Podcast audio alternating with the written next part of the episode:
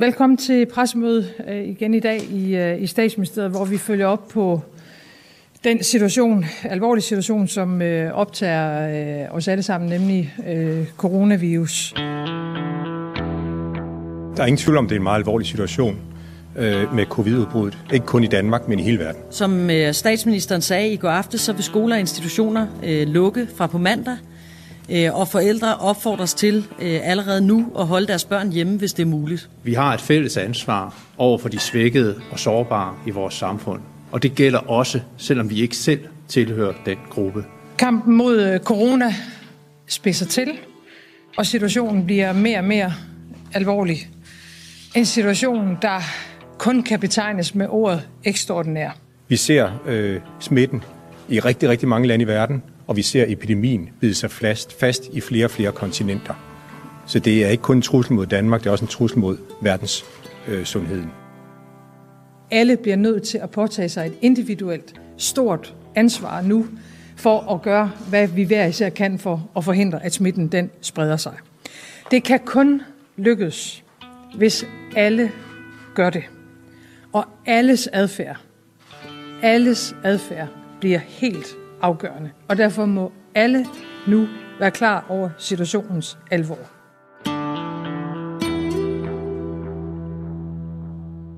...2020 har været et helt særligt år i verdenshistorien. På få måneder er jordens befolkning blevet konfronteret med en ny trussel i form af en dødelig virus, men også en ny skrøbelighed og afhængighed af hinanden. Da Danmark og verden lukkede ned, og corona overtog vores hverdag, bad Radio 4 fire danskere om at åbne op og lukke os ind i deres inderste tanker i en krisetid.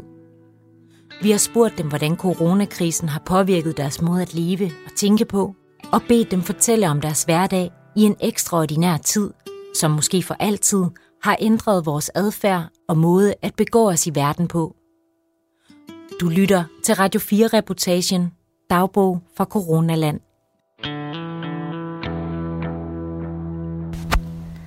Det er i dag den 1. april, og det er tre uger siden, at jeg fik at vide, at skolen lukkede ned på grund af corona.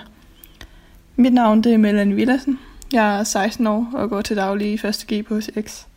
Jeg er dermed også en del af den unge befolkning i Danmark. Og for mig der har det været noget af en omvæltning, lige pludselig at skulle være herhjemme i stedet for i skolen. Det er meget mærkeligt ikke at kunne se sine venner og sine klassekammerater på en daglig basis. Jeg føler mig meget alene i verden, også selvom jeg bor med mine forældre og snakker med dem dagligt.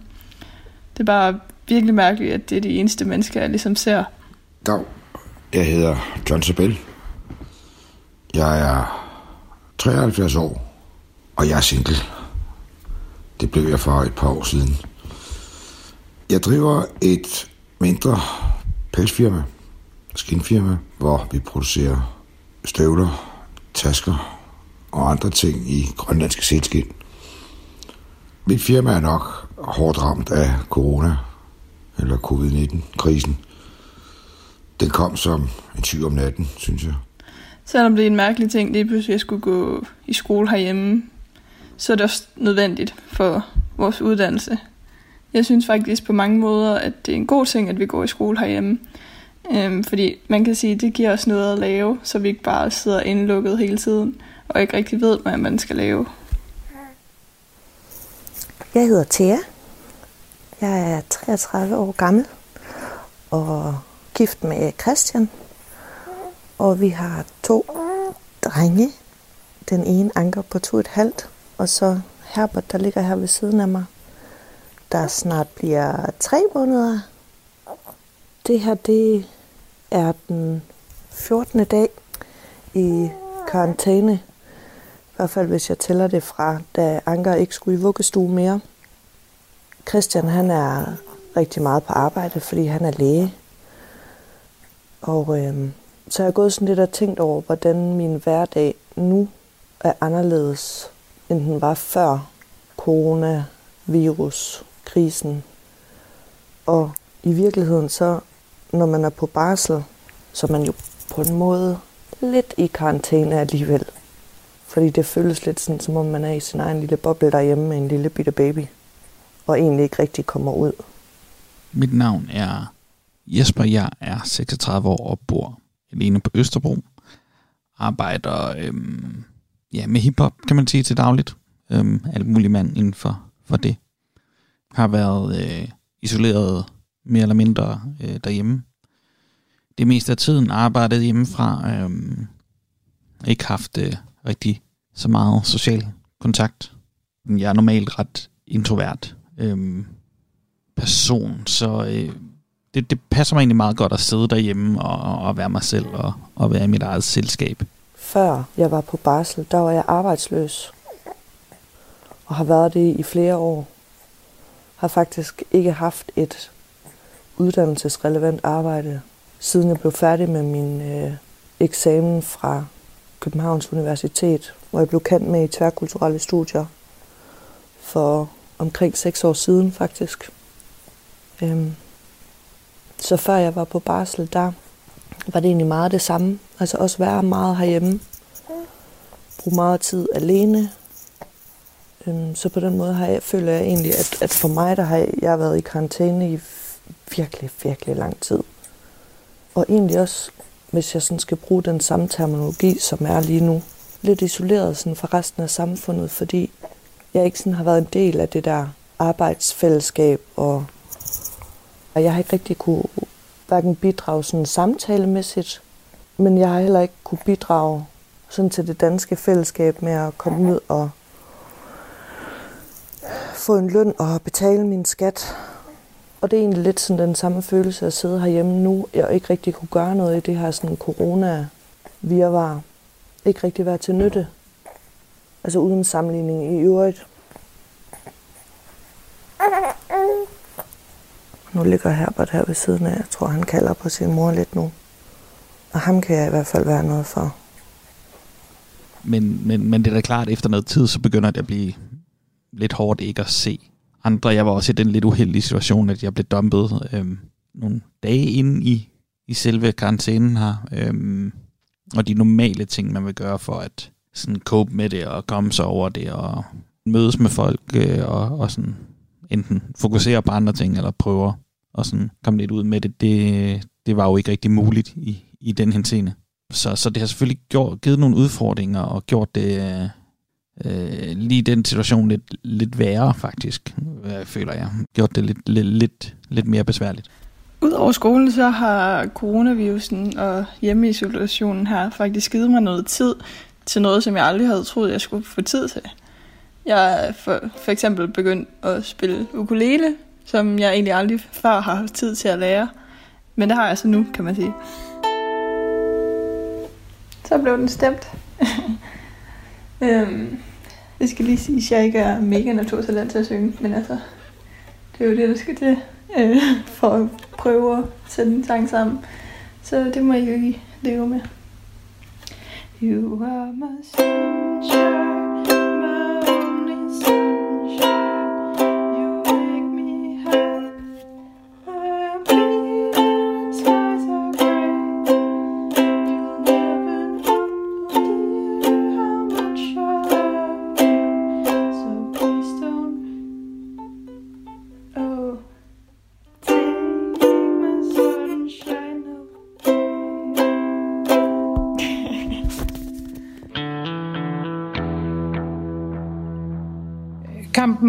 Corona spidser til, og situationen bliver mere og mere alvorlig. Vi har gjort meget, og vi har gjort det hurtigt. Alle i Danmark er berørt af situationen. En situation, der kun kan betegnes med ordet ekstraordinær. Rådene fra sundhedsmyndighederne er egentlig ret enkle. Vask hænder, brug sprit, hold afstand – hvis du er syg, ældre eller sårbar, skal du blive derhjemme. Det er afgørende, det er helt afgørende, at vi får brudt smittekæden nu. Du lytter til Dagbog fra Coronaland, en Radio 4-reportage, hvor vi ser tilbage på tiden, hvor Danmark lukkede ned på grund af coronavirusen. Det meste af foråret 2020 er vi blevet bedt om at holde afstand til vores familier, venner og kollegaer. Det har været en stor udfordring for mange, selv for den introverte Jesper fra Østerbro i København. Efter flere ugers karantæne er han begyndt at mærke savnet til vennerne og familien, ikke mindst fordi han har kæreste sover. Men det er vigtigt, at Jesper bliver ved med at holde afstand, for bliver han smittet med corona, kan det få alvorlige konsekvenser. Jeg er selv i, i en af risikogrupperne, der er, er kroniker øh, og har diverse øh, helbredsproblemer. Øh, og også øh, nogle forskellige skader. Mm, øh, mit immunforsvar fungerer ikke øh, helt, helt optimalt altid. Derfor så, så er jeg jo i en, i en risikogruppe. Så det kan potentielt få, øh, få konsekvenser for mig øh, på den måde, at jeg jo øh, nok har en større sandsynlighed for ikke at overleve, øh, skulle jeg blive ramt. Altså normalt får jeg også influenza-vaccine hvert år, jeg får øh, skal tage, tage lidt hensyn. Men øh, det er jo klart, det er, det, det er på et helt andet niveau, vi er på nu. 10.000. Ja. Det er et terningsspil, hvor vi alle sammen har et bære, og så har vi seks terninger. Og som navnet det lyder, så er det jo, gælder det om at nå 10.000 point først. En ener giver 100 point, en femmer giver 50. Hvad står der her? Og hvis man får 6 ener i, i første kast, det er 10.000. Og så er spillet slut. okay. ja. Og så er bare Nå. det, vi gør. Vi, vi skal bare slå. Hvordan tælles point sammen? Som jeg har sagt før, så synes jeg, det er lidt underligt, at mine forældre det er de eneste andre mennesker, jeg er sammen med lige for tiden. Det er dem, jeg bor med, så det burde jo egentlig ikke være sådan. Men jeg tror, det er det der med, at jeg ikke har muligheden for at være sammen med mine venner, eller dem, jeg normalt omgiver mig med. Det bliver lidt ensartigt øh, på en måde. Fordi jeg snakker kun med mine forældre, som er to personer. Og normalt så snakker jeg jo med sindssygt mange på i løbet af en dag, ikke? Og det er nok det der med, at jeg ser ikke andre mennesker, så jeg får ligesom ikke den luft og den fridom, øh, eller frihed, som jeg normalt vil få til at snakke med andre mennesker. Da jeg var yngre, var jeg, øh, og jeg meget sygemeldt, faktisk, øh, for skolen nogle gange. En tredjedel nogle gange, nærmest halvdelen af tiden, føles det som om. I mit voksenliv har jeg øh, kunne begrænse det, og har, har, har fundet måder, hvorpå jeg faktisk øh, sjældent sådan rigtig bliver syg nu til dags. Men derfor så er det her jo en, en, en ekstraordinær situation. Det er meget svært at vurdere, hvordan man vil blive ramt af det her. Men, men, men alt tyder på, at jeg vil være, være en af dem, der ikke øh, vil klare forløbet helt optimalt.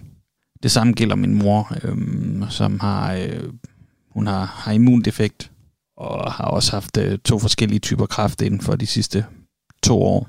Øhm, færdig med kemo og alt så, øh, sådan noget for ikke så længe siden. Så øh, det bekymrer mig, mig faktisk ret meget. Det, det er noget, der påvirker en.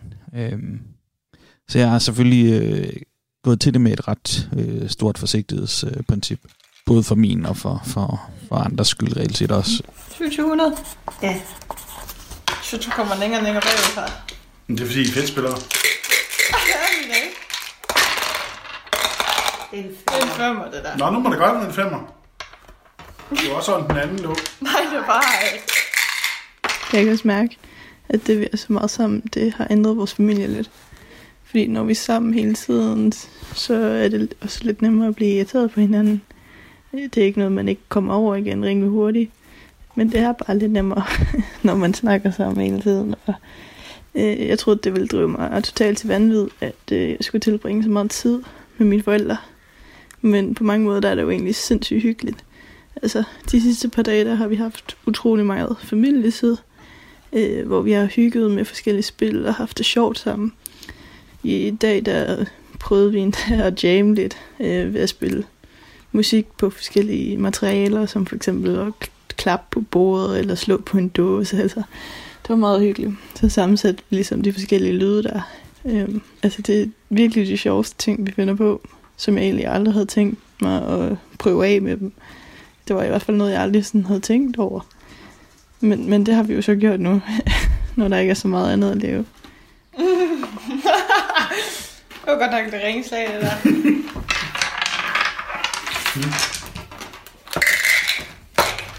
I en tidligere indtaling for, fortalte jeg om, at jeg var single. Uh, det er sådan set med modifikationer. Sagen er den, at jeg mistede min kone for, ja, det blev nu to år siden, til kræft. Og, og da hun døde, så tænkte jeg, jeg får fat i en maler, og så får jeg maleren til at male et billede af hende. Og det endte med, at jeg fik et billede, der var 1 gang 1 meter, og det hænger på, på en væg. Og jeg var meget glad for at få billedet, fordi det var lige så om, hun stadigvæk, hun stadigvæk er her på en eller anden måde. Jeg, jeg ved godt, det lyder måske lidt, lidt pjattet, men øh, jeg, jeg, jeg, jeg kunne mærke, at jeg, jeg havde det rigtig godt med det. En savner jeg selvfølgelig her i den her isolationstid. Det gør jeg. Men jeg trøster mig altså med tit at kigge op på billedet, og, og jeg ved ikke, men jeg føler i hvert fald, uanset hvor jeg er i huset i stuen, så kigger hun på mig. Og nogle gange så kigger jeg på hende også. Og øh, det gør jeg, når jeg sådan kan mærke ensomheden, den, den stikker lidt, og, og, og rådvildheden også så stikker op. Der står jeg et øjeblik og kigger lidt, kigger ind i øjnene. Ja, så det hjælper lidt på uroen, og det gør det. Det gør det altså. Det med at øh, skulle cope med, med noget, man normalt vil bruge øh, andre menneskers øh, og, og, og sociale ting til at øh, komme igennem, har været ret, øh, ret specielt.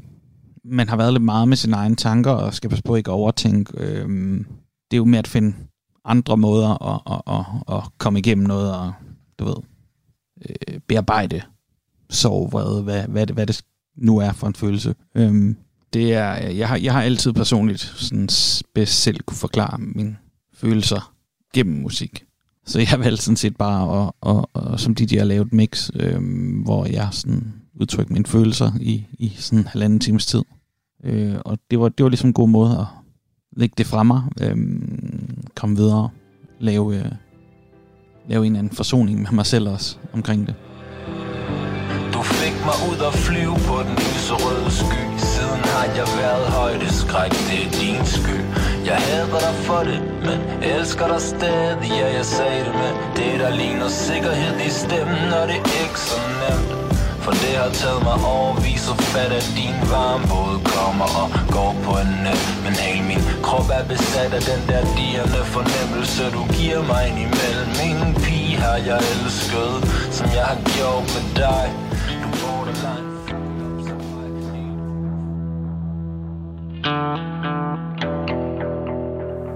Tallene for indlagte og døde bliver ved med at stige. Det forventede vi. Situationen er alvorlig. Det vidste vi, at den ville blive.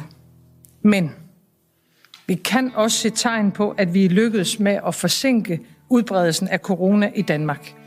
Smitten spreder sig langsommere end frygtet. Og det giver på en dybt alvorlig baggrund anledning til en forsigtig optimisme. Du lytter til Radio 4-reportagen Dagbog fra Coronaland. I månederne, hvor Danmark og store dele af verden blev ramt af coronapandemien, bad vi fire danskere om at dele deres tanker i en lyddagbog. En af dem er 33-årige Thea. Hun er under nedlukningen på barsel, og før det var hun arbejdsløs. Hun har derfor længe før coronakrisen følt sig isoleret fra samfundet. I dag er det dag 15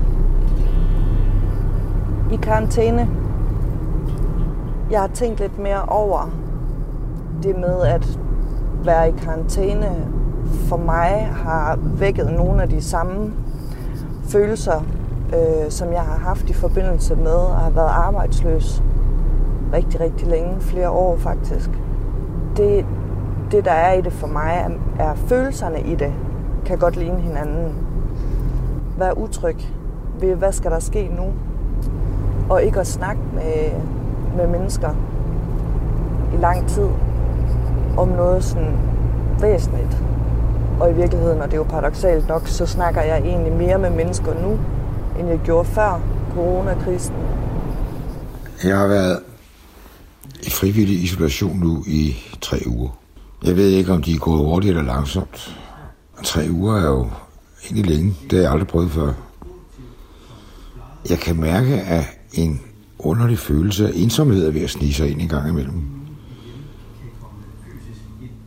Den der ensomhed, den kender jeg ikke så meget til, men jeg har haft den før for mange år siden, og nu mærker jeg, at den en gang imellem kommer igen.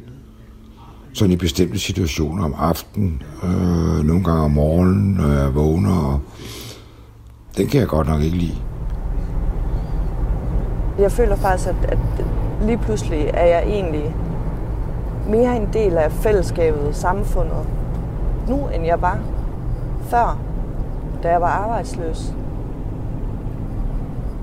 Og jeg behøver egentlig heller ikke rigtig frygte det der med, at folk som det første spørger, Nå, men hvad laver du? Eller hvordan går det med jobsøgningen? Nu spørger folk mere, hvordan klarer I coronakrisen hjemme ved jer? Og Nå, men hvad med Herbert? Og om savner Anker sine gode venner? Og, og jeg jamen, kan jo næsten ikke få mig selv til at sige det, fordi der er så mange, der har det rigtig svært og rigtig hårdt og rigtig skidt lige nu, og Danmark som en hele også. Men det er sgu da ret sørgeligt, at det her det er første gang i flere år, jeg føler, jeg har været med. Det har i hvert fald lige været. Hvad jeg sådan har gået og tænkt på, så håber jeg, at mit humør i morgen er blevet lidt bedre, og jeg har kunnet lægge det her med at være arbejdsløs lidt på hylden, fordi nu er jeg næsten op i sommerhuset, hvor jeg skal være sammen med Christian og mine to drenge her i weekenden og nyde en masse solskin, som jeg håber både kan nå mit ansigt og mit sind.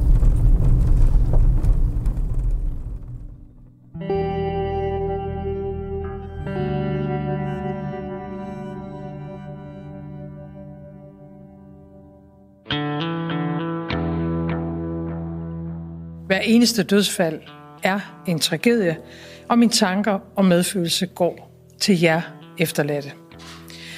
Det her er alvorligt, men tallene for indlæggelser går stadig den rigtige vej. Coronavirusen spreder sig hurtigt, men den rammer vores kroppe langsomt. Det gør den her sygdom ekstra lumsk. Og derfor bekymrer det os dybt, når vi hører eksempler på, at der er nogen, der er begyndt at tage det hele lidt mere afslappet. Planlægger påskefrokoster. Tager hele familien med ud at handle. Samles lidt flere end for få uger siden. Og glemmer eller lader være med at holde afstand til hinanden. Vi skal stå sammen ved at holde afstand. Du lytter til dagbog fra Coronaland, en Radio 4-reportage, hvor vi ser tilbage på et historisk forår, hvor Danmark og store dele af verden lukkede mere eller mindre ned på grund af corona. Statsminister Mette Frederiksen beder flere gange danskerne om at stå sammen ved at holde afstand. Men det er ikke alle, der vælger at følge retningslinjerne. Og det påvirker DJ'en Jesper. Han er nemlig i risikogruppen, fordi han har et dårligt immunforsvar og flere fysiske skader. Altså, nogle af de oplevelser, man sådan får, nogle af de tidspunkter, man virkelig øh, i hvert fald kan blive irriteret på folk, det er jo sådan nogle små ting, som at øh, man kan blive virkelig irriteret over, hvordan tæt folk absolut har skulle stå på en i, i supermarkederne, øh, hvordan løber, folk der løber, ikke rigtig synes, de har skulle død. Bevæge sig en lille smule uden for den lille linje, de har gang i, og nærmest stødt ind i en, eller, eller par, der har gået på et øh, mindre fortov og absolut har syntes, at de skulle gå ved siden af hinanden hele tiden, selvom der så ikke er plads til den tredje person, der må gå ud på gaden eller vejen for ikke at, at, at komme lidt for tæt på. Sådan en krise her, sådan en situation, den bringer det værste frem i nogle folk, og det bedste frem i andre. Øhm, man ser i hvert fald, øhm, hvor folk står, hvad for nogle holdninger de har, kommer rimelig tydeligt frem. Hvem der tænker på andre, hvem der tænker på sig selv hvilket menneskesyn man har, hvilket øh, tilgang man har til fakta og, og, og så videre. Det er nu den 6. april, og øhm, det er min første dag af påskeferien. Øhm, så jeg har lige tænkt, at jeg skulle være lidt aktiv i dag. Øhm, jeg er begyndt at rydde ud i mit klædeskab. Jeg, jeg skulle til at i gang med mine bukser, men så gik jeg egentlig lige lidt død. Jeg synes lige, der var rigtig mange bukser. altså, jeg ved ikke. Det, det er bare, jeg ved ikke rigtig, hvad jeg skal lave. Det er bare tanker, der ligesom kommer til mig. Det, er sådan, det føles lidt mærkeligt, fordi hver dag, så har jeg jo sådan skulle været klar til at sidde i skole. Øh, og nu er det bare som om, nu, nu ved jeg simpelthen ikke, hvad jeg skal lave. Oh. Ej, hvor er der mange. Nå. Her til morgen var jeg inde i Helsingør for at købe ind. På vejen hjem, synes jeg, det var lidt underligt. Der var ingen biler på vejen næsten. Så ingen mennesker. Uh, mærkeligt. Lige der, der ramte ensomheden mig. Jeg skulle selvfølgelig hjem til et tomt hus. Uh, men lige den der, sådan et kort øjeblik, der ramte den her ensomhedsfornemmelse mig faktisk. Det er som om, der pludselig opstår sådan et vakuum af fortid, nutid og fremtid. Sådan tanker om det på en gang. Det giver en tomhed. Sådan en magtesløshed over situationen. Øh, magtesløshedsfølelsen, den er faktisk, øh, den er faktisk ret ubehagelig.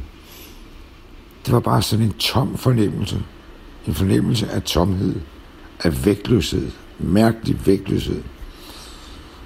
Jeg vil også fordi, de, øh, der er ikke nogen at komme hjem til. Der var der en stor handkat. Øh, det, men det er jo ikke helt det samme. Jeg er normalt en person, der er meget glad for at have faste rutiner og have, have, have måder, ting fungerer på. Og det med rutiner bliver jo sat lidt ud af spil, når at det hele lige pludselig foregår på den her måde. Man, man er kun ansvarlig over for sig selv. Det er en selv, der skal sætte alle rammer, der, der er for ting, der sker omkring en. Og det kan godt skride lidt nemt, når man sådan bare sig selv. Både det med at skulle sørge for at gøre et eller andet hverdag, sørge for at træne, sørge for at at tage op, hvad sørge for, for alle de der almindelige dagligdags ting sammen til det med, at man sørger for at få arbejde ind, og man sørger for at, at også få slappet af. Det er en svær balancegang. Jeg har lige fået mere tøj ind på mit værelse, øhm, som jeg egentlig havde glemt, at der var. Fordi at det lige havde været til vask. Øh, stille træls, men jeg må vel blive det i mig, og så bare lægge tøjet ind alligevel. Der, hvor der er plads. Ja. Men først så tænker jeg lige, at vi... Ja, hvad gør vi først? Det er et godt spørgsmål. Øhm, jeg har lige hævet alle mine bukser ud, jo. Så der ligger bare sådan en ordentlig bunke bukser på gulvet. Og så samtidig så har jeg bare sådan sygt meget andet ved siden af. Og det virker sgu lige lidt uoverskueligt lige nu. Men ja, det skal vel bare i gang. En ting, jeg selv er lidt forundret over i hele det her, er, at jeg lytter til, til væsentligt mindre om musik, end jeg normalt plejer. Øhm, og det er jo egentlig en stor del af mit arbejde også at holde styr på, hvad der kommer, og nyt musik, og, og hvad der er fedt, og hvad man skal købe ind, og hvad man skal holde øje med, og hvad man skal spille, og alt sådan noget. Men jeg synes, øh, jeg synes, jeg lytter til, til, til noget mindre musik, og når jeg endelig øh, gør, øh, så har jeg en tendens til lige i øjeblikket at tage, tage meget af det, jeg, jeg kender i forvejen. Dykke lidt tilbage i, i, i bagkataloger og, og så videre. Jeg kan godt mærke at det der med at sådan, skulle rydde hele sit klædeskab ud og lægge på plads igen og sortere lidt i det. Det tager rimelig hårdt på energien. Så det tænker jeg lige, vi venter lidt med. Øhm, jeg kunne mærke, at jeg havde brug for at lave noget andet, så jeg har sat mig ind øhm, for at spille lidt musik, fordi jeg føler lidt, at musik det ligesom er et frirum for mig. Jeg spiller både keyboard og ukulele, øh, og det kan godt være, at jeg ikke er noget naturtalent, men altså, jeg er selvlært, så jeg synes egentlig, jeg synes egentlig, det går meget godt i forhold til. Øh, så ja.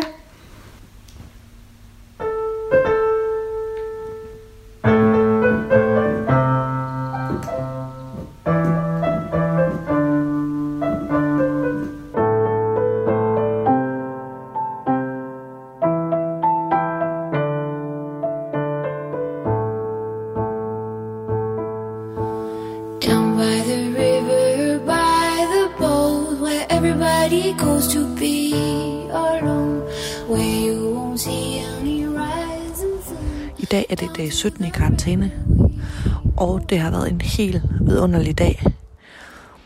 Jeg vågnede i sommerhuset, og mens mig og Anker vi skulle til at have noget morgenmad, så kommer der en hare hoppende forbi. Så der fik jeg lige fortalt Anker om påskeharen, som han var så heldig at se. Men mest af alt har det været en fantastisk dag, fordi vi hørte Herbert grine for første gang i dag. Og det var ikke bare et lille pludergrin, det var, jeg tror godt, man ville kunne kategorisere det som at skraldergrin. Og det var den mest fantastiske lyd i hele verden. Øhm, ja, det, det var bare, det var bare rigtig stort og dejligt. Så øh, er vi kommet hjem fra sommerhus, hvor vi ellers har været online, OND-line, et begreb, jeg har lært fra min storesøster, som er præst. Jeg kommer så tilbage og er går online, ON-line igen, øhm, og kan faktisk se, at det virker til, at der er noget, noget håb for, at vi kan komme tilbage stille og roligt til en almindelig hverdag igen, hvad det så end indebærer, hvordan verden kommer til at se ud nu her. Det er jo altid dejligt at komme hjem til lidt, lidt håb i verden også, når man har levet i sin egen lille verden, som i dag har været helt fyldt med glæde. See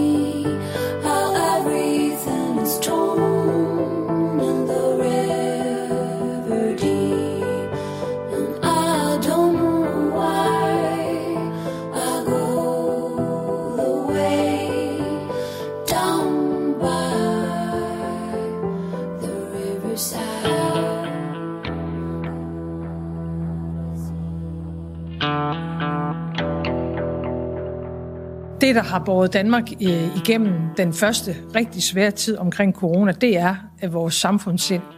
Og det skal I have en tak for. Øhm, på den videre færd skal vi også gå sammen et skridt ad gangen. Det er ukendt terræn, det er det, vi navigerer i. Øhm, men det vi ved, og det vi skal blive ved med at basere vores fælles strategi på, det er, at vi skal hindre smitten i at sprede sig for meget og for hurtigt, og især til dem, der ikke kan tåle at blive syge.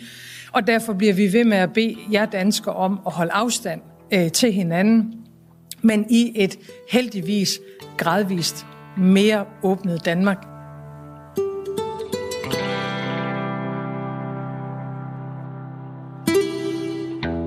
Du lytter til dagbog fra Coronaland, hvor vi ser tilbage på de måneder, hvor Danmark og mange andre lande lukkede ned for at begrænse udbredelsen af coronavirus. Her på Radio 4 bad vi under nedlukningen fire personer om at føre lyddagbog. En af dem er 36-årige Jesper fra Østerbro. Da vi nærmer os mig, oplever han, at mange fortsat ikke holder nok afstand til hinanden. Danmark er begyndt at åbne mere op, men myndighedernes klare anbefalinger er fortsat, at vi skal undgå fysisk kontakt med hinanden, netop for at tage hensyn til folk som Jesper, som er i risikogruppen.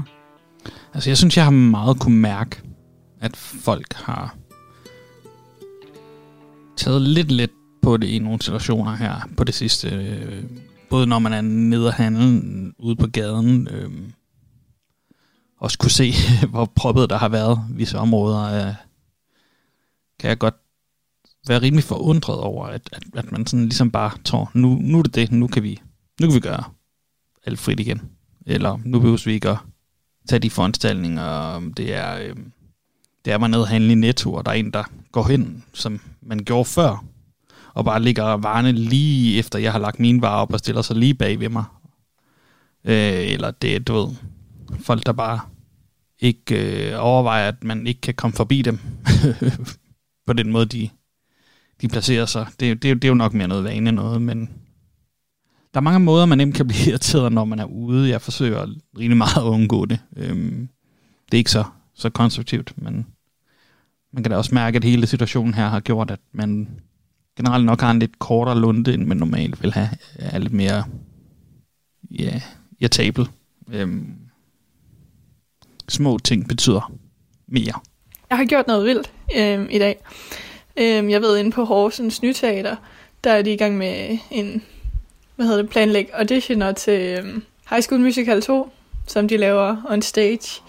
Øh, og der har jeg sendt en ansøgning, fordi jeg tænker, når jeg ikke kan spille håndbold, så må jeg prøve noget andet, og så tænker jeg lige, det kunne da være sjovt at prøve at spille skuespil.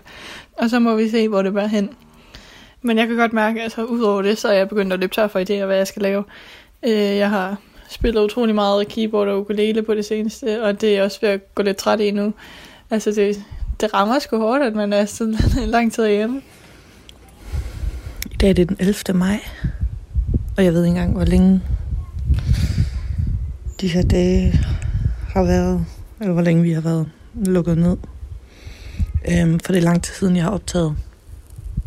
Men Anker er tilbage i vuggestue, og det kører faktisk rigtig fint. Så nu sidder jeg herhjemme igen på barsel og, og oplever min, min baby udvikle sig, og min dreng Anker udvikle sig. Alt imens at hele for, verden forandrer sig. Jeg håber til det positive. Jeg håber i hvert fald, at jeg kan være en del af den nye verden. Og det bliver så offeragtigt at tale om sig selv som arbejdsløs, fordi der er så mange burde forbundet med det. Jeg burde tage et hvilket som helst arbejde. Jeg burde uddanne mig til noget andet. Jeg burde tage på messer. Jeg burde tage kursuser i jobansøgninger, bla bla bla. Men på et eller andet tidspunkt, der har jeg simpelthen mistet modet. Og jeg ved ikke, hvordan jeg skal få det tilbage. Men nu har jeg besluttet mig for at uddanne mig til noget helt andet. Og har faktisk taget et kursus nu her, fordi jeg manglede nogle, nogle fag. Og nu har jeg så søgt en elevstilling. Og lige i dag blev kaldt til samtale, så det er jeg jo rigtig, rigtig glad for. Og totalt redselslagen. Kan jeg overhovedet? Det ved jeg ikke. Men jeg er jo nødt til at prøve.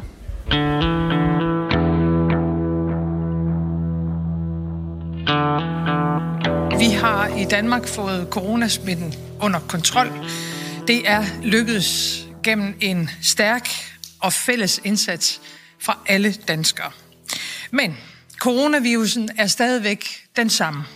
Den er lige så smitsom, den er lige så farlig, og samtidig med, at vi åbner vores samfund mere og mere op og får mere og mere af hverdagen tilbage, så skal vi nu til for alvor at håndtere, at virusen er iblandt os. Du lytter til et dagbog fra Coronaland, hvor vi ser tilbage på et ekstraordinært forår under coronakrisen. Her på Radio 4 har vi bedt fire personer om at fortælle om deres hverdag under krisen. En af dem er 73-årige John, som har valgt at gå i frivillig isolation i flere måneder i sit hjem i Helsingør. Men det at være isoleret og alene i så lang tid har haft den konsekvens, at John er blevet ramt af ensomhed. Min ensomhedsfølelse er, er kommet noget bag på mig. Det der sug, øh, jeg synes også, den er, den er ubarmhjertig. Altså, den, den, ja, jeg har svært ved at holde den tilbage. Det er sådan en, en, en, en nane ting, der går ind i sjælen. Og sjælen så end er, men det er åbenbart den, den, den dybere del af sansapparatet. Øh, og den gør ondt. Altså, den, den gør mig meget vemodig, når den kommer. Nu har jeg haft den så mange gange, så jeg har tænkt meget over, hvad er det egentlig, der sker med mig? Det er da noget mærkeligt noget. Den her afmagt, tristesse, eller hvad skal man, det er sådan en tristhed. Og jeg har prøvet at, at prøve at lægge en strategi for, hvordan jeg kunne undgå den. Men den kommer. Men jeg er ikke så bange for den mere. Det er jeg ikke, fordi den er jo naturlig nok, vil jeg tro. Og den, den, den skal jeg lære at leve med, fordi jeg, jeg er jo alene, øh, efter jeg har mistet Annelise, min kone. Og det er nok det, jeg har svært ved at vende mig til. Jeg har været vant til, at der altid var nogen omkring mig. Men, men Ja, nu ser det ud til, at øh, øh, de her restriktioner, som har været lagt på os alle sammen i den her slemme periode, er ved at blive løftet lidt. Øh, det bliver godt. Ja, så er der en lille update herfra, øh, hvordan det går i karantænen. Øhm, PT er sådan rimelig udmattet og træt, fordi at øh, jeg har håndværkere ofte sådan ret meget uden for min dør, men i det hele taget meget larmende, da vi vil få repareret vores elevator. Så, så det er lidt svært, man kan ikke rigtig altid lige være i lejligheden på grund af larmen, så øh, det, det har været lidt, øh, lidt en udfordring i den her situation, når man i, i visse situationer vil være på arbejde, eller være mere ude i, i den periode, hvor, hvor det foregår. Men man begynder også lidt at miste øh, sansen for, hvilken ugedag man er i. Øh, det, det er lidt svært at holde styr på, hvad der har været, øh, når der er sådan overhovedet ingen struktur nærmest er. Øh, et andet problem det er også, at man lidt ender med at i mit tilfælde at, at, at egentlig arbejde med en man gør det, eller i hvert fald ikke kunne slippe det. Øhm, når man bare sidder hjemme, så har man sådan, er det svært at få det ud af hovedet, fordi man hele tiden har idéer, man har hele tiden ting, man gerne vil. Øhm, så det gør være lidt stressende, men man får ikke helt slappet af. Jeg mærker også, at jeg har en, hvad kan man sige, øh, egentlig pt. lidt en mangel på lyst til at være social. Jeg får sådan gået meget ind i mig selv. Det er nu blevet lørdag den 6. juni, øh, og der er gået lidt tid siden sidst. Men det er ikke fordi, der er sket så meget. Øhm, Udover at jeg er begyndt på i skole igen. Eller sådan halvt. Det er lidt mærkeligt. Fordi det er sådan noget med, så har vi et modul på skolen, så skal vi have virtuelt modul. Og det er lidt forvirrende. Øhm, og når man er på skolen, så føles det ikke helt rigtigt, som om man er på skolen. Fordi det er sådan, der er afstand til alt, og det er sådan, du skal altid holde det højere ude på gangene. Hold afstand til dine venner, og sprit af hele tiden. Øh, hvilket er så fair nok, når det er forholdsreglerne jo. Men det føles bare lidt, som om man ikke rigtig er der, selvom man er der. Øh, jeg har været til High School Musical 2 audition i dag, og det var virkelig en sjov oplevelse. Jeg skulle lære en dansekoreografi, og skulle danse den sammen med det hold, jeg var sammen med på, hvor vi var seks i alt. Øhm, og det var egentlig virkelig hyggeligt. Men jeg kunne godt mærke, at jeg så skulle op til min individuelle prøve med sang og monolog. Så begyndte jeg at få nerver på, og det gik ikke helt, som jeg havde håbet på, det ville. Men sådan er det jo engang imellem. Jeg kunne godt mærke, at nervøsiteten den tog over. Okay, jeg skal lige have sele på. Nå, så starter vi karetten. Nu skal jeg til samtalen. Uh, jeg er godt nok nervøs. Godt, at jeg har taget vand med. Okay, Thea. Nu tager du det bare stille og roligt. Og er dig selv. Ja. Nu må vi se. Nu er jeg i hvert fald på vej derud. I hører mere, når jeg har været derinde. Ja, så jeg har jo øh, haft en periode, hvor jeg ikke har lyttet så meget til, til ny musik, øh, hvor jeg fandt mig selv sådan gå meget tilbage.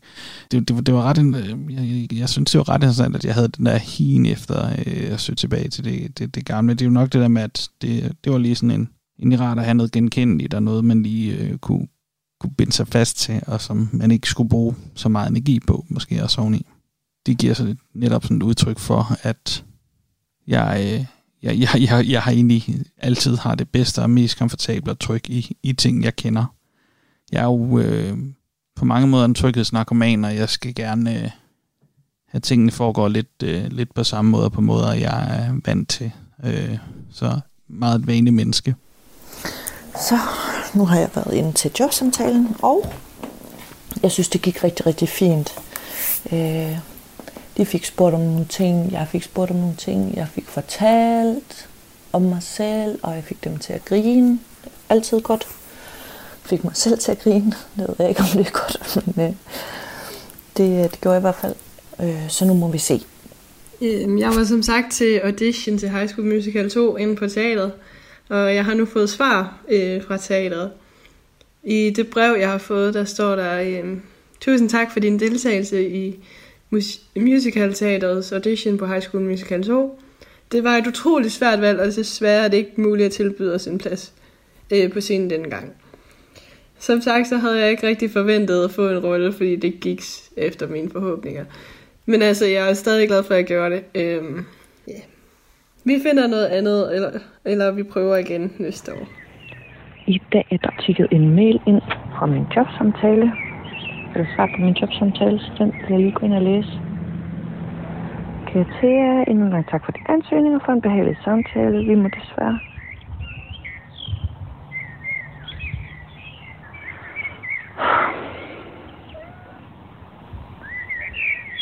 Vi må desværre meddele dig, at vi ikke kan gøre den kvalifikation af den her omgang.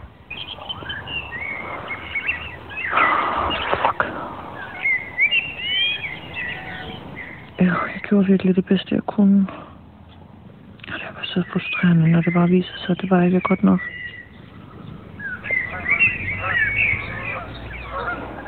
Nå, hvad fanden skal der blive af mig, altså? Ej. Åh. Ej, jeg tror, der er 25 gæster lige flyver på lige linje. Åh, oh, jeg har aldrig set så mange på en linje før. Ej, det ser det vildt ud. Ej, jeg vil gerne med.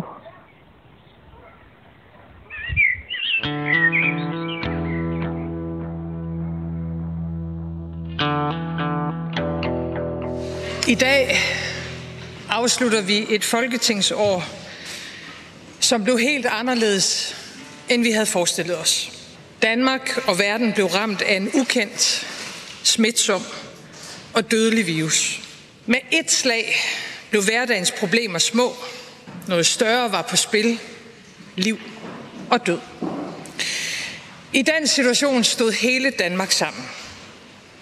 Vi passede på de ældre og de sårbare. Vi bar hinandens skæbner i vores hænder helt bogstaveligt. Aldrig har det været mere tydeligt, hvor afhængige vi er af hinanden. Jeg har lært noget af coronakrisen.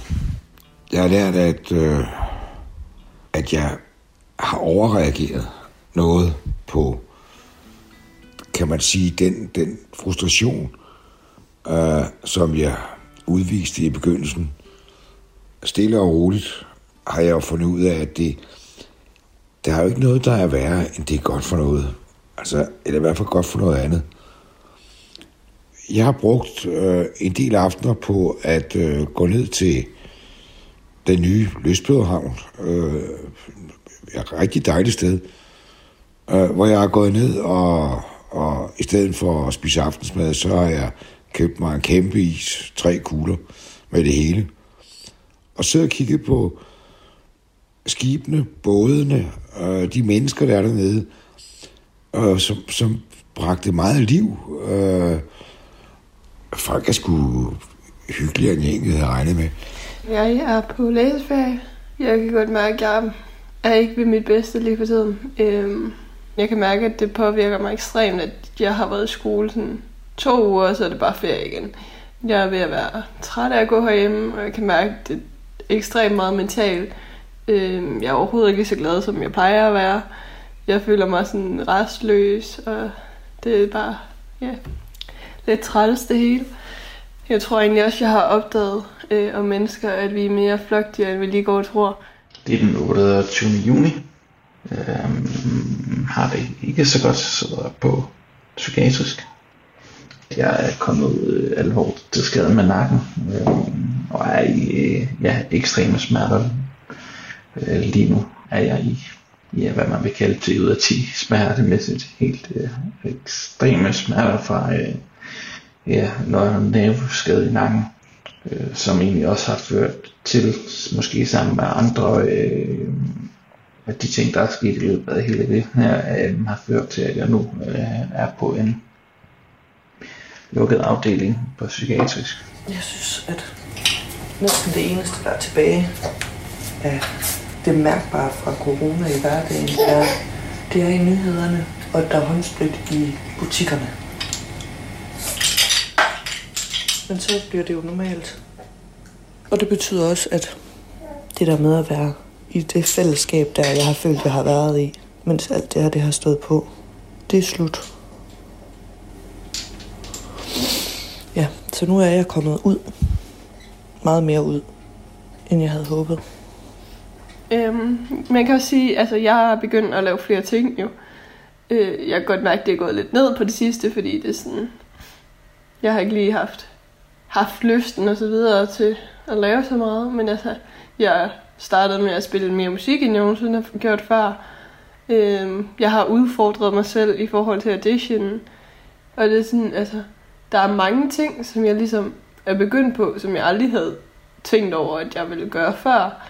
Øh, så jeg tror, jeg har fundet ud af noget nyt om mig selv lige på det område, at jeg egentlig godt kan lave noget nyt. Øh, og jeg tror også, det er noget af det, jeg vil sådan håbe, at jeg kan tage med øh, fremover. Sådan det her med at udfordre mig selv, og ikke bare blive i min safe zone, hvis man kan sige det sådan. Hvad jeg har lært af coronakrisen er flere ting nok. Øhm, en ting er, at folk generelt er ret egoistiske, og at det skal ramme dem selv. I hvert fald nogle personer, før at de gider gøre noget. Øhm, omvendt har der også øh, været perioder, hvor der er vist mig, at folk kan stå rigtig øh, godt sammen om, om det hele. Jeg, jeg, jeg lagde mærke til, at når jeg stod Øh, i en kø, eller stod sammen med andre mennesker, hvis jeg fik øjenkontakt øh, med nogen, og sådan smilte, så smilede de saftsus med igen. Tænkte jeg da, det var da, det var da egentlig, det var da egentlig en sjov, det var, det var da egentlig skægt, at jeg skulle lægge mærke til det og finde på det. Øh, men, men det gav mig sådan lidt af en, en oplevelse, at ja, måske er mennesker sødere, end man går og tror. Du ved, alle, alle de her oplevelser der, fordi jeg har haft tid til det, det gav mig sådan, det, det, jeg synes, det kvikkede op og blødte lidt, blødte, blødte op på, kan man sige, blødte op på min, min sådan lidt depressive tendenser til, øh, at jeg om over, at, at, at, at denne her krise, den havde været så intimiderende, kan man sige, den var kommet så tæt på mig, øh, at, den, at den var blevet lidt af en besættelse. Altså, jeg ville åbenbart på et tidspunkt have, at alting skulle være galt, og det var det jo egentlig slet ikke. Jeg synes, at når det går godt, så er det jo nemt at være venlig og overskudsagtig og gøre de der ekstra ting for andre. Og jeg har tænkt, jamen, vi har det jo godt her i Danmark. Hvorfor kan du ikke lige lade mig komme foran i køen, når jeg står med to varer, og du står med en hel vogn? Eller hvorfor skal du overhale mig indenom, når jeg kører det, jeg må køre, og du absolut skal nå to sekunder hurtigere frem end mig? De der ting, de har bare irriteret mig helt vildt meget. For jeg synes, at det har været udtryk for, hvem vi er. Og til det, der må jeg bare sige, i den her periode, hvor vi alle sammen har været presset, er det samme kollektivt presset. Der har vi vist os fra en side, hvad jeg har oplevet, i mit nærmiljø i hvert fald, at folk har været rigtig søde, venlige, hjælpsomme, betingsomme, næstekærlige. Og jeg tror på, at man viser sit sande jeg i pressede situationer. Så hvor jeg tidligere har tænkt, det her det er sådan, vi er. Vi springer over i køen, tænker ikke på hinanden, vil hurtigere frem end de andre. Min tid er vigtigere end din. Så tror jeg nu, at det har været maskejeget. Jeg tror, vores sande jeg er det næste kærlige, det betænksomme, det smilende. Og det er jeg helt vildt taknemmelig for.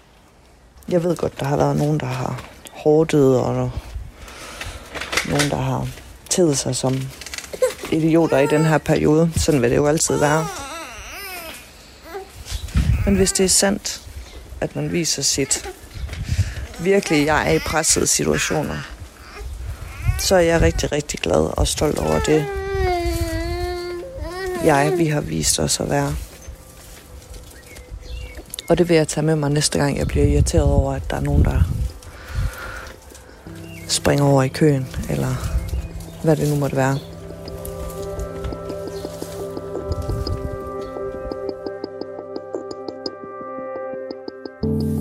Du har lyttet til Radio 4-reportagen Dagbog fra Coronaland. De medvirkende var Melanie Villersen, John Sabel, Jesper Nybo og Thea Bækgaard. Øvrige medvirkende var Nan og Andy Villersen, og udsendelsen var tilrettelagt og redigeret af Cecilie Sønderstrup. Du kan genhøre den via radio4.dk, Radio 4's app, iTunes eller hvor du nu ellers foretrækker at hente dine podcasts.